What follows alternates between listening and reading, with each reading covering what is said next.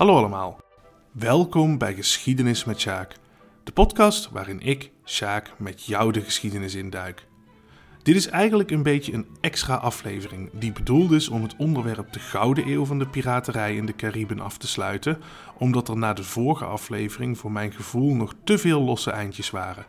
Ik zal het daarom in deze aflevering onder andere gaan hebben over hoe het de piraten op Nassau verder verging nadat Zwartbaard er vertrokken was, hoe het met figuren als Woods Rogers, Stede Bonnet en Benjamin Hornigold afliep en hoe de gouden eeuw van de piraterij uiteindelijk tot een einde kwam. Daarnaast zal ik ook nog wat typische piratenclichés bespreken. Maar voor we zover zijn, laten we bij het begin beginnen. Op 7 juli 1730 op het Franse eiland Réunion. Op 7 juli 1730 werd de Franse piraat Charles Levasseur opgehangen op Réunion. Die naam die zeg je misschien niet zoveel, maar hij is in eerdere afleveringen voorbijgekomen onder zijn bijnaam La Buse, oftewel de Buizerd. De executie van Levasseur die trok heel veel bekijks en is uiteindelijk legendarisch geworden. Want het verhaal gaat dat hij vlak voor zijn dood de ketting die hij om zijn nek droeg aftrok en daaraan zat een houder waarin een papiertje met een cryptogram erop zat. En volgens het verhaal zou hij gezegd hebben dat wie het raadsel kon oplossen zijn schat zou vinden. En al eeuwenlang zijn schatzoekers bezig dat cryptogram te ontcijferen. Tot nu toe zonder succes, al zijn er mensen geweest die claimden meer dan 90% opgelost te hebben. Maar goed, Hiermee hebben we natuurlijk meteen een van de vele piratenmythes te pakken die bestaan, die van de begraven schat. In de vorige aflevering over Zwartbaard is dit ook even naar voren gekomen, hè, dat ook de schat van Zwartbaard nog steeds zoek is. Maar ja, zoals ik toen al zei, er is eigenlijk geen enkele aanwijzing dat Zwartbaard ooit een schat begraven heeft. En eigenlijk kun je überhaupt zeggen dat dat hele schatbegraven eigenlijk maar gebaseerd is op één legendarisch verhaal over William Kidd, ook die is eerder uh, aan bod gekomen. Nou, Kit die had op het moment van zijn arrestatie nauwelijks geld op zak. En nou ja, men wist wel dat hij flink wat schepen geplunderd had. Dus al snel ontstonden verhalen dat zijn rijkdommen toch echt ergens moesten zijn, wellicht ergens begraven. En dat klopte ook wel deels, want een kleine hoeveelheid werd ergens vlakbij New York gevonden, maar de rest bleef onvindbaar. En tot op de dag van vandaag zijn mensen op zoek naar de schat van kapitein Kidd. In 1983 werden bijvoorbeeld twee Amerikanen gearresteerd in Vietnam omdat zij zonder vergunning aan het graven waren op een eiland voor de Vietnamese kust, want zij waren ervan overtuigd geraakt dat daar de schat van Kit zou liggen.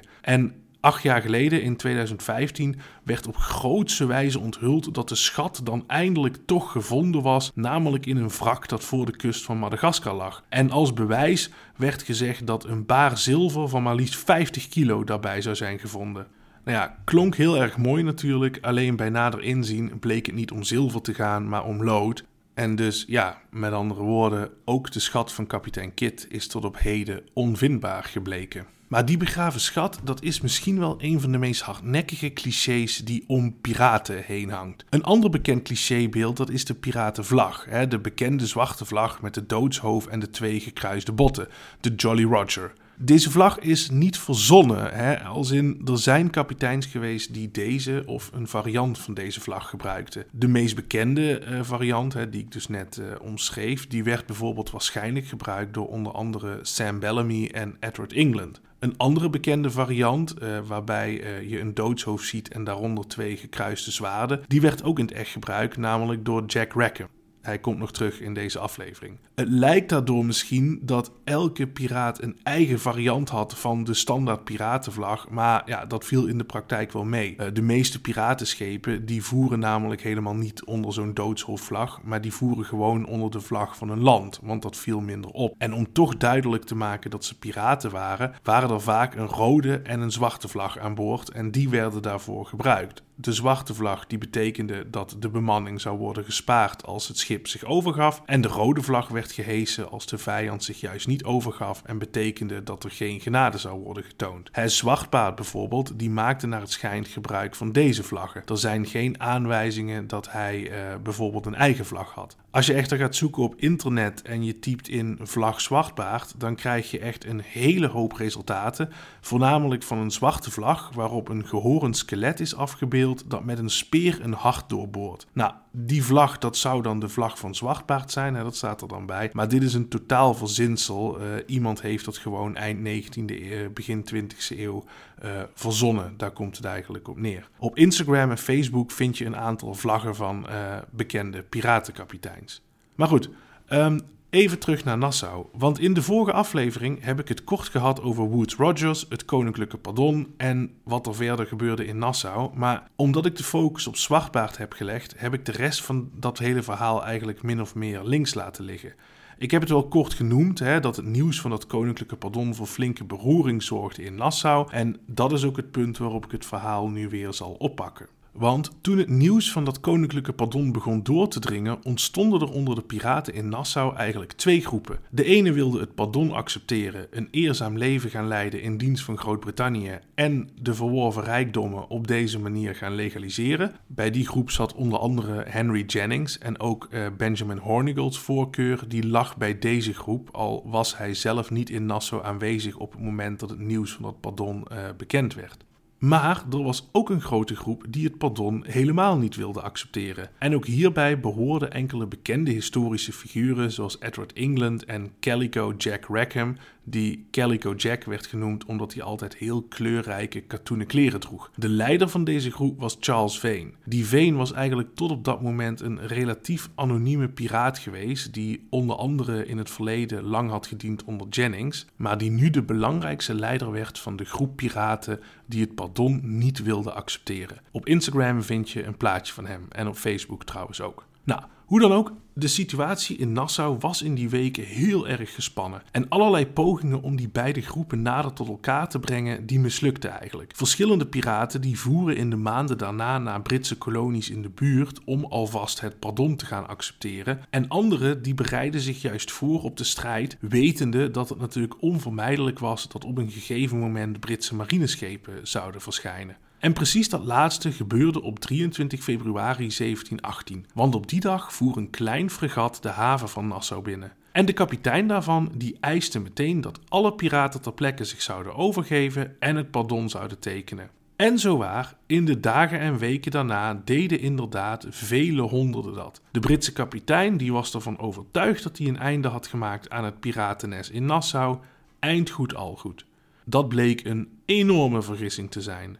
Want bijvoorbeeld Charles Vane en zijn mannen, die hadden weliswaar heel braaf het pardon ondertekend, maar die waren absoluut niet van plan om zich daaraan te houden en bereidden stiekem alweer allemaal plundertochten voor. En niet alleen dat, Vane wilde ook die Britse marinekapitein eens goed voor gek zetten. Begin maart veroverde hij een koopvaardijschip en dat nam hij mee naar Nassau. Aangekomen in de haven daar begon hij zijn veroverde prijs in het volle zicht van de Royal Navy te plunderen. Het Britse fregat dat kon daar echter heel weinig aan doen, want de haven van Nassau die had namelijk niet één, maar twee toegangswateren. De westelijke die was vrij diep en daar kon je dus ook met relatief grote schepen naar binnen zeilen. Maar de oostelijke, ja, dat was meer een soort achterdeur, want vanwege allerlei zandbanken konden eigenlijk alleen maar relatief kleine schepen langs die route de haven binnenvaren. En precies daar had Veen zijn prijsschip neergelegd, want hij wist natuurlijk dat het marinefregat hem daar nooit zou kunnen bereiken. En vervolgens ging hij dus lekker uitdagend het schip op zijn gemak eens even plunderen.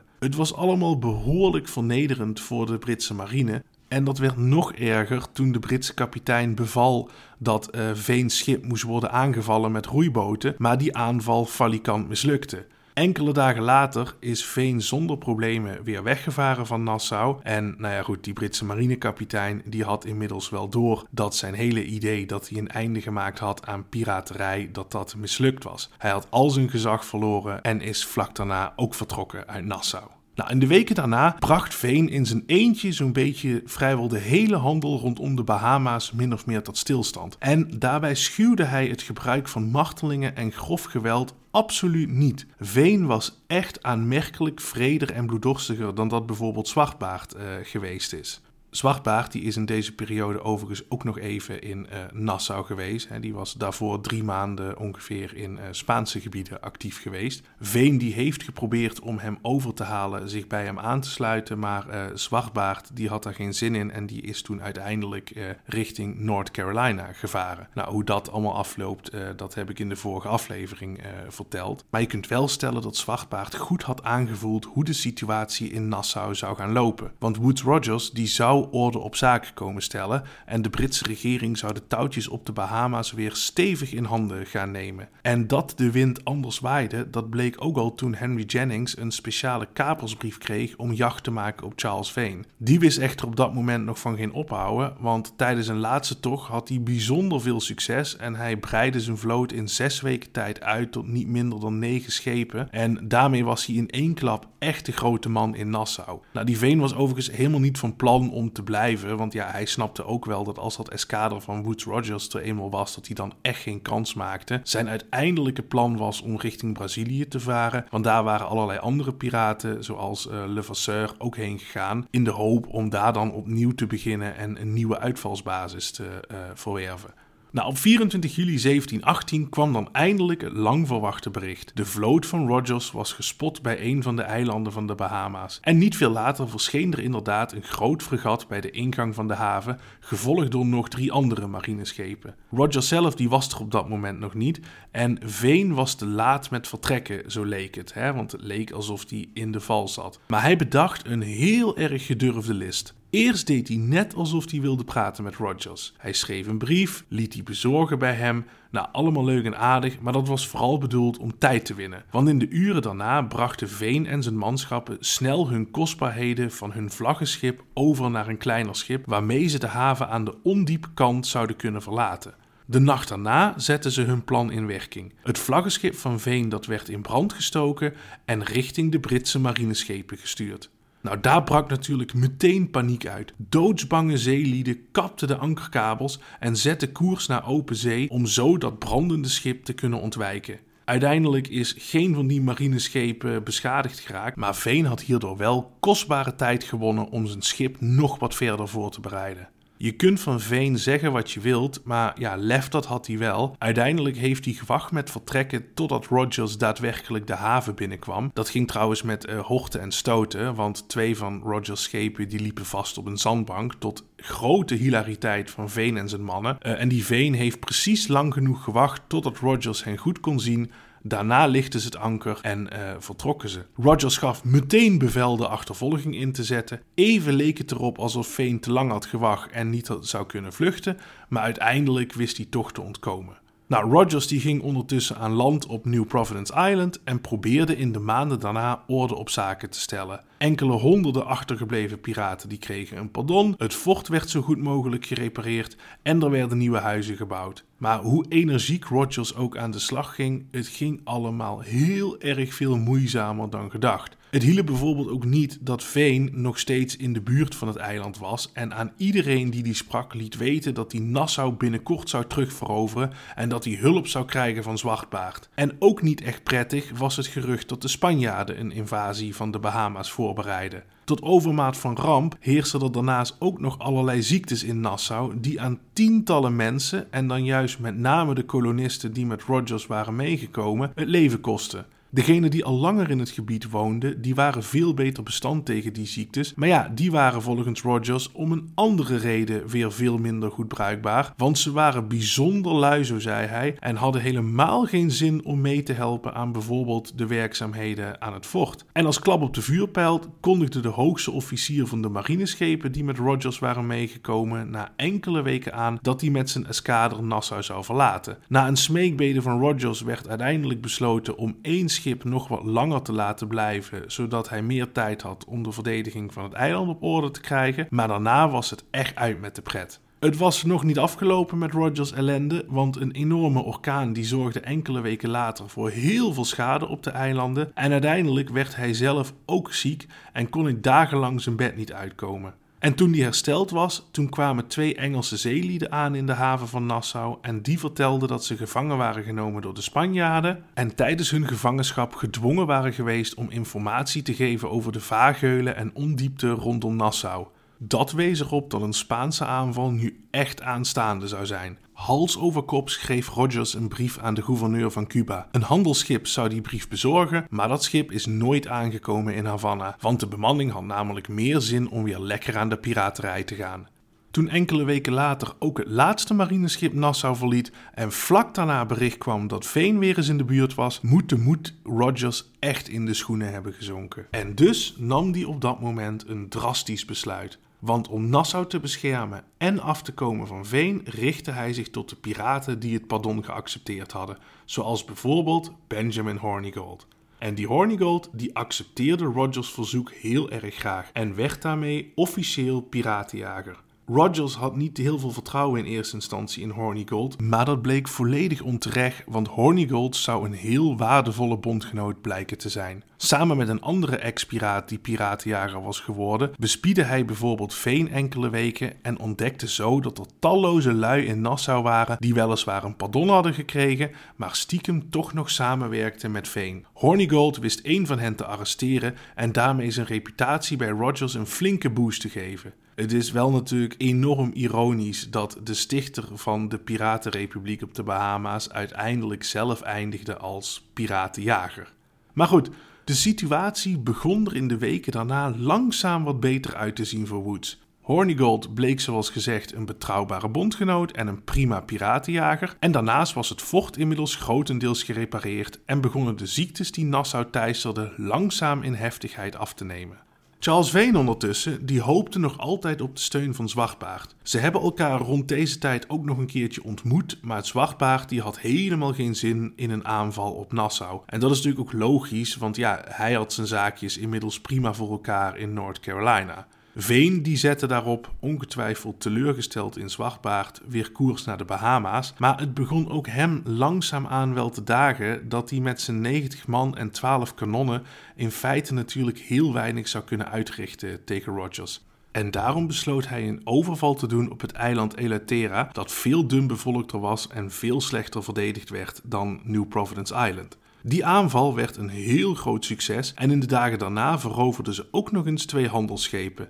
Goed beladen met buit voer Veen in de weken daarna richting Hispaniola. Dat is het eiland waar tegenwoordig Haiti en de Dominicaanse Republiek op liggen. De sfeer aan boord die was echter niet bepaald optimaal. Want door de veroveringen die ze op en bij Terra hadden gedaan, was er genoeg voorraad van bijna alles. En dus leefden de piraten wekenlang in een soort constante orgie van drank en uitgebreid eten. Dusdanig dat ze in die periode geen enkel schip wisten te veroveren. Maar toen de drankvoorraad eenmaal op was, sloeg de stemming natuurlijk om. Wellicht realiseerden sommigen zich op dat moment ook dat ze met hun daden van de weken daarvoor de deur naar een pardon eigenlijk definitief dicht hadden gegooid. Nou, Veen die probeerde natuurlijk de eenheid aan boord te bewaren, maar dat mislukte toen er een Frans fregat aan de horizon verscheen. Veen die dacht dat dat fregat veel te sterk zou zijn en hij wilde dus niet een gevecht aangaan en zo snel mogelijk vluchten. Maar Jack Rackham en een aantal anderen die waren van mening dat het juist een prachtige kans was en wilden het schip dus aanvallen. Een minutenlange discussie ontstond waarbij Veen uiteindelijk zijn recht als kapitein deed gelden. Een dag later kwam de afrekening. Rackham die organiseerde een stemming en met ruime meerderheid werd Veen afgezet als kapitein. Het is eigenlijk een heel roemloos einde voor de piratenkapitein Veen, die weliswaar ongelooflijk vreed en bloeddorstig te werk ging, maar die als kapitein ook een aantal enorm gedurfde acties uh, op zijn naam heeft staan. Maar goed, uh, Veen kreeg wel een klein bootje mee en er waren bovendien zo'n 15 bemanningsleden die hem trouw bleven. Hij wist uh, zijn vloot en bemanning uh, binnen een paar weken weer uit te breiden tot vijf kleine scheepjes. Maar al snel kwam hij in een storm terecht die de meeste schepen deed zinken en veel van zijn mannen doodde. Veen zelf die kwam daarbij op een verlaten stuk kust terecht in zijn eentje en hij wist daar enkele weken als schipbreukeling te overleven, totdat er een koopvader kwam die hem oppikte. Nou, Veen die gaf daarbij natuurlijk een valse uh, naam op, maar helaas voor hem bleek de kapitein van de koopvader een oude kaper te zijn, hij heette Holford. En die herkende Veen uh, natuurlijk meteen. Die Holford die was inmiddels een gerespecteerd handelaar en hij weigerde dus om Veen mee te nemen. Sterker nog, het liefst had hij hem ter plekke meteen gearresteerd. Maar uit respect voor hun oude vriendschap deed hij dat op dat moment niet. Maar hij heeft Veen wel gewaarschuwd dat als hij hem nog een keer zou tegenkomen, hij niet zou twijfelen om Veen meteen te arresteren. Nou, Veen die moest dus noodgedwongen verder leven als uh, schipbreukeling, maar gelukkig voor hem kwam nogal snel een ander schip en daar werd hij niet erkend en mocht hij mee als lid van de bemanning, uiteraard wederom onder een andere naam. Maar goed, het geluk van Veen dat was wel een beetje op, want enkele dagen later kwam zijn nieuwe schip, dat van Holford, tegen. Nou, Holford die kwam aan boord van het schip waar Veen nu bemanningslid was, om even bij te kletsen met de kapitein. En die heeft Veen natuurlijk meteen uh, herkend en hem daar inderdaad, zoals hij had gezegd, ter plekke laten arresteren. Nou, vervolgens is Veen naar Jamaica gebracht, daar is hij berecht, ter dood veroordeeld en uiteindelijk op 29 maart 1721 opgehangen. Zijn lichaam is in een ijzeren kooi gestopt om als voorbeeld te dienen en bleef daar totdat het door de elementen vergaan was. Nou goed, tot zover Charles Vane. Even een klein stukje terug in de tijd, want terwijl Veen enkele jaren eerder uh, amok aan het maken was bij de Bahama's, was een ander iemand waar ik het veel over gehad heb bezig geweest om wraak te nemen op Zwartbaard. Want Steve Bonnet die was door Zwartbaard weggestuurd om een pardon te regelen. Dat had hij ook braaf gedaan en dat had hij ook gekregen overigens van Charles Eden, diezelfde gouverneur die even later een verbond met Zwartbaard zou sluiten. Bonnet die was met het pardon teruggekeerd naar Beaufort Inlet om daar vervolgens te ontdekken dat Zwartbaard hem en een groot deel van zijn bemanning verraden had en daar gewoon achtergelaten had. Nou, Bonnet heeft de achtergebleven bemanningsleden opgepikt en geprobeerd om Zwartbaard terug te pakken, uh, maar zonder enig succes. En na een tijdje besloot hij daarom om koers te zetten naar St. Thomas, een Deense kolonie in de Cariben. De Denen die waren namelijk in oorlog met de Spanjaarden en Bonnet hoopte daarom van de gouverneur een kapersbrief te krijgen. Maar onderweg bleek al snel dat Zwartbaard bijna al het voedsel had meegenomen dat er aan boord was en dat er dus te weinig over was voor de tocht naar St. Thomas. Een deel van de bemanning die stelde daarom dat er dus onderweg maar wat schepen veroverd en geplunderd moesten worden. De leider van deze groep dat was de kwartiermeester, een zekere Tucker, en Bonnet die was falikant tegen dit plan, want ja, hij had net een pardon gekregen. Die Tucker die kreeg echter de overhand en al snel maakten ze jacht op ieder schip dat ze konden krijgen. Dat lang niet iedereen aan boord het hiermee eens was, dat blijkt ook wel uit het feit dat een deel van de bemanning uh, bij een tussenstop wist te vluchten. Nadat ze meer dan 10 schepen veroverd hadden, besloot Tucker dat het tijd was om alsnog koers te zetten naar St. Thomas. Maar daar zouden ze nooit aankomen, want op 27 september van dat jaar werden de piraten gespot door twee piratenjagersschepen, die niet alleen veel groter waren, maar ook nog eens veel meer vuurkracht hadden. Er ontstond een gevecht dat uren zou duren en dat kwam voornamelijk omdat alle drie de schepen vastliepen op een zandbank, maar uiteindelijk delfden de piraten het onderspit en gaven de overlevenden zich over. Bonnet werd gevangen en afgevoerd naar Charleston en daar in afwachting van een rechtszaak opgesloten. Bizar genoeg wist hij enkele weken later te ontsnappen met behulp van een plaatselijke koopman die veel geld had verdiend met de handel met Nassau. En nou ja, wie weet, misschien daarom vond dat hij Bonnet moest helpen. Ehm, hoe het ook mogen zijn, ze zijn niet echt ver gekomen, want iets meer dan twee weken later werd Bonnet opnieuw gearresteerd op zo'n 6 kilometer ten zuiden van Charleston. Een groot deel van zijn bemanning die was op dat moment al geëxecuteerd. En hij zelf kreeg ook de doodstraf opgelegd op 12 november 1718 werd dat vonnis uitgesproken. En zijn reactie op het horen van het vonnis was blijkbaar dusdanig smekend en dusdanig ellendig dat sommigen ter plekke medelijden met hem kregen. Uh, er werd voorgesteld om hem naar Londen te brengen, zodat hij daar voor een rechter kon verschijnen en zichzelf kon verdedigen. En in totaal werd de dag van zijn executie daarom niet minder dan zeven keer uitgesteld. Nou, de plaatselijke kooplieden van Charleston, die hadden heel veel last gehad van Bonnet en andere piraten. Die waren natuurlijk woest hierom en die bleven bij de gouverneur aandringen van, uh, nou ja, dat het toch tijd werd om die Bonnet zijn verdiende loon te geven. En uiteindelijk heeft de gouverneur aan deze groep toegegeven en op 10 december 1718 werd Stede Bonnet uiteindelijk opgehangen. Twee dagen later vonden in Nassau ook een aantal executies van piraten plaats, waarvan een deel gearresteerd was door Benjamin Hornigold. Maar met die executies maakte Rogers in één klap aan iedereen in Nassau duidelijk dat het de menens was. En vanaf dat moment zat hij eigenlijk redelijk stevig in het zadel. Wel bleef er een dreiging van een Spaanse aanval. Zeker toen in 1719 opnieuw oorlog uitbrak tussen Groot-Brittannië en Spanje. En Rogers die besloot op dat moment om kapersbrieven uit te geven om Nassau te beschermen. Hij betaalde zelf het gereedmaken van de schepen uh, hiervoor. Hè, dat deed hij dus uit eigen zak. Hij ging er daarbij van uit dat hij dat geld uiteindelijk wel terug zou krijgen van de Britse regering. Maar vergeet niet, Rogers die kreeg als gouverneur geen salaris van de Britse regering. Dat was namelijk zo afgesproken voor zijn vertrek naar Nassau. En dat voorschieten van geld, dat bleef hij maandenlang doen, totdat hij zo diep in de schulden zat dat leveranciers simpelweg weigerden om nog langer te leveren. Maar je kunt zeggen van Rogers wat je wilt, hij had uiteindelijk zijn werk goed gedaan. In 1720 verscheen een Spaanse vloot bij Nassau, maar dat werd ondertussen beschermd door een gerepareerd fort met 50 kanonnen, 100 soldaten en nog eens 500 gewapende burgers. De Spanjaarden hebben het wel geprobeerd, maar zonder succes en trokken zich al snel terug. En daarmee was ook de Spaanse dreiging weggenomen. Tijdens deze oorlog met Spanje kreeg trouwens ook Benjamin Hornigold weer een kapelsbrief. In het voorjaar uh, van 1719 uh, eh, was hij daarmee uh, op zee en toen is zijn schip onderschept door Spanjaarden. En hij is ofwel tijdens het daaropvolgende gevecht omgekomen of hij is gestorven in gevangenschap op Cuba. Ook uh, Henry Jennings die werd weer kaper en hij boekte in die rol enkele grote successen. Na de oorlog heeft hij zich definitief gevestigd op Bermuda en hij had inmiddels meer dan genoeg geld en is een van de weinige piraten geweest die echt heeft kunnen genieten van zijn veroverde rijkdom. Uh, Jennings zelf die zou overigens absoluut niet met mij eens zijn met het feit dat ik hem hier uh, een piraat noem, want hij zag zichzelf altijd nadrukkelijk als kaper.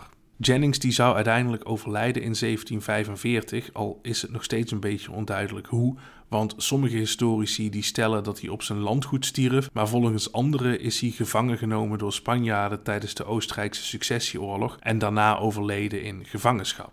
Nou, Woods Rogers die was uiteindelijk natuurlijk gewoon geslaagd als gouverneur van de Bahama's, maar de prijs daarvoor was heel erg hoog geweest, want hij was fysiek, mentaal en financieel compleet kapot. Enkele weken rust in de kolonies in Noord-Amerika die hielpen niet. En bovendien kwam er vanuit Londen nog steeds geen financiële of andere vorm van steun. En dus besloot Rogers om dan maar zelf naar Londen te gaan. En toen hij daar aankwam, toen kwam hij er tot zijn stomme verbazing achter dat de regering hem ontslagen had als gouverneur en een ander iemand benoemd had. Woods Rogers bleef uiteindelijk diep verbitterd en flink in de schulden achter en hij bracht zelfs enige tijd in een schuldgevangenis door. In 1723 werd hij echter door iemand benaderd met de vraag of hij informatie kon geven voor een boek over piraten. Nou, het lijkt erop dat hij daarmee akkoord is gegaan en daarmee werd hij waarschijnlijk een van de belangrijkste bronnen voor A General History of the Robberies and Murders of the Most Notorious Pirates van kapitein Charles Johnson.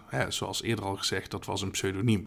De reden dat onderzoekers denken dat dit boek mede tot stand is gekomen door informatie die Woods Rogers gegeven uh, heeft, is omdat er details in staan die alleen Rogers kan hebben verstrekt, omdat alleen hij ze kan hebben geweten.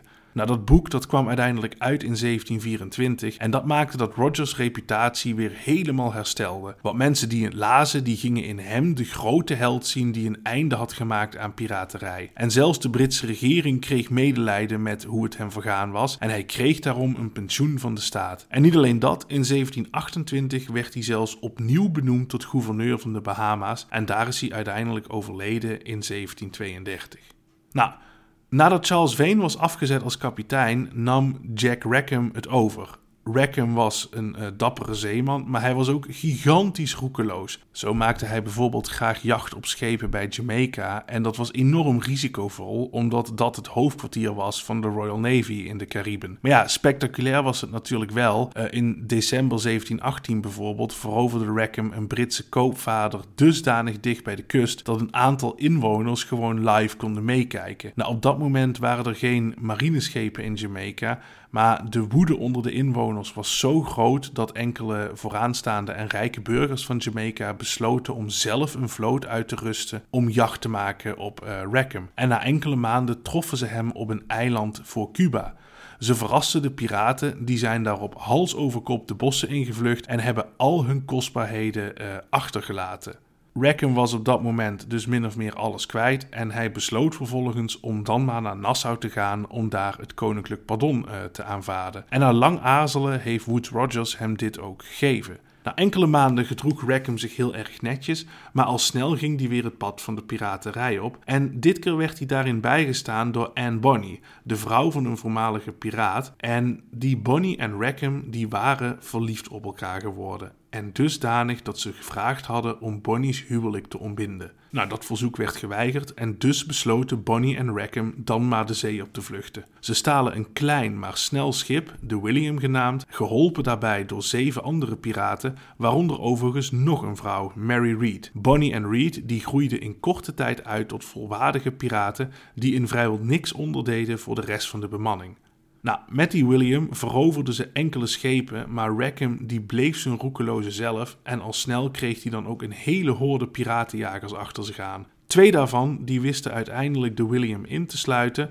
Nou, het schip werd van twee kanten genadeloos beschoten met kanonnen. De bemanning vluchtte doodsbang beneden deks. En alleen Bonnie en Reed die bleven naar verluid gewoon staan op het dek. Terwijl ze de rest van de bemanning uitscholden om hun lafheid. Nou, uiteindelijk werd de William ingenomen en de overlevenden gearresteerd en naar Jamaica gebracht.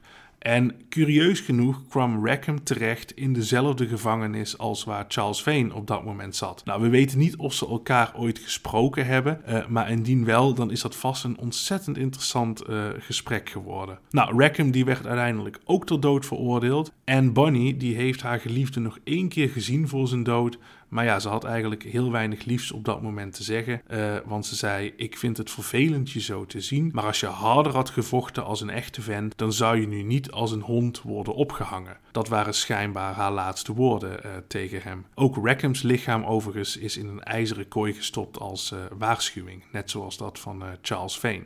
Nou, en Bonnie en Mary Reed die ontliepen uiteindelijk de doodstraf omdat ze beide zwanger waren. Wel bleven ze gevangenen, we weten van Mary Reed dat ze uiteindelijk in gevangenschap aan een ziekte is overleden. Maar wat met Anne Bonny is gebeurd, dat is eigenlijk onbekend. Volgens sommige bronnen is ze door haar vader, dat was schijnbaar een rijke plantagehouder uit South Carolina, uh, is ze vrijgekocht en heeft ze daarna nog vele jaren in Charleston gewoond. Daar zou ze getrouwd zijn, kinderen hebben gekregen en uiteindelijk in 1782 overleden zijn. Ja, andere bronnen die stellen dat ze in 1733 op Jamaica is overleden terwijl ze nog in de gevangenis zat.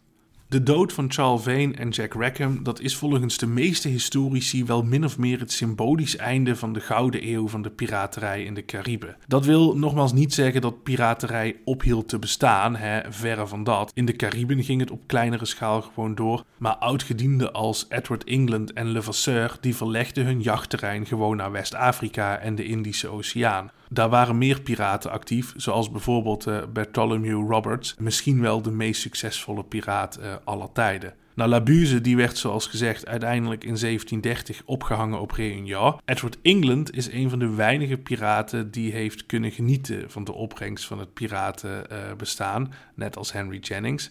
hij heeft zich uiteindelijk teruggetrokken op Madagaskar.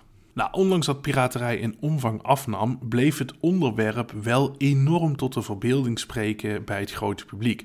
En de basis voor deze fascinatie die is onmiskenbaar gelegd door dat boek A General History of the Robberies and Murders of the Most Notorious Pirates, waar ik het uh, de afgelopen afleveringen meerdere malen over gehad heb of naar verwezen heb. Nou, een ander zeer invloedrijk boek als het gaat om piratenclichés, dat is Schateiland van Robert Louis Stevenson. Dat verschenen is in 1883. Dat boek is min of meer verantwoordelijk voor het ontstaan van het cliché en de mythe dat uh, piraten hun schatten zouden begraven. Nou, in de 19e eeuw was piraterij sowieso een heel erg populair thema. En dat kun je bijvoorbeeld zien aan de vele tientallen toneelstukken en opera's die in die tijd over dit thema gemaakt werden. En uit die uh, toneelstukken en opera's, daar komt eigenlijk de standaard kledingstijl van piraten, die je nu kent uit films en series uh, uit onze tijd. Ook na de uitvinding van de film bleef piraterij een ongekend populair onderwerp. Om je een uh, beeld te geven, Alleen al uh, tussen 1900 en 1930 zijn meer dan 40 films gemaakt waarin Caribische piraterij een centrale rol spelen. En dan heb ik het in deze dus over de begintijd van de film. Hè. Dat aantal is in later jaren natuurlijk alleen nog maar meer geworden. Tot op de dag van vandaag is de gouden eeuw van de piraterij in de Cariben nog steeds een heel erg populair thema. Uh, denk bijvoorbeeld maar aan recente filmseries als uh, Pirates of the Caribbean, de Netflix-serie Black Sails of de game uh, Assassin's Creed Black Flag. En voorlopig zal die populariteit ook wel zo blijven. Goed, Oorspronkelijk was het mijn bedoeling om dit onderwerp, hè, de Gouden Eeuw van de Piraterij in de Cariben, om dat in drie afleveringen te behandelen. Maar ik kwam er gaandeweg achter dat er zoveel over te zeggen valt dat dat gewoon uh, niet gelukt is. Vandaar dus dat ik deze extra aflevering heb uh, gemaakt. Ik hoop dat ik hiermee de losse eindjes die er nog waren toch aan elkaar heb kunnen knopen. En dat ik duidelijk heb kunnen maken hoe de Gouden Eeuw van de piraterij ten einde kwam en hoe het afliep met de personen die de afgelopen afleveringen uh, grote en minder grote rollen speelden. Nou, dit wil overigens ook zeker niet zeggen dat nu alles over dit onderwerp gezegd is wat er uh, te zeggen valt. Uh, verre van, want er zijn echt nog talloze verhalen, personen en anekdotes waar ik niet aan toegekomen ben. Maar goed, dat is wellicht iets voor een andere keer. Goed, daarmee zijn we aan het einde gekomen van deze extra aflevering. Heel veel dank voor het luisteren en vond je dit nou een leuke aflevering? Vergeet dan niet je te abonneren. Je kunt deze podcast daarnaast ook volgen op Instagram en op Facebook. En mocht je vragen of opmerkingen hebben of heb je zelf een suggestie voor een onderwerp, dan kun je me via die weg een DM sturen of een mailtje sturen naar geschiedenismetsjaak.outlook.com. Gewoon aan elkaar geschreven geschiedenismetsjaak.outlook.com. Voor nu nogmaals dank voor het luisteren en tot een volgende keer.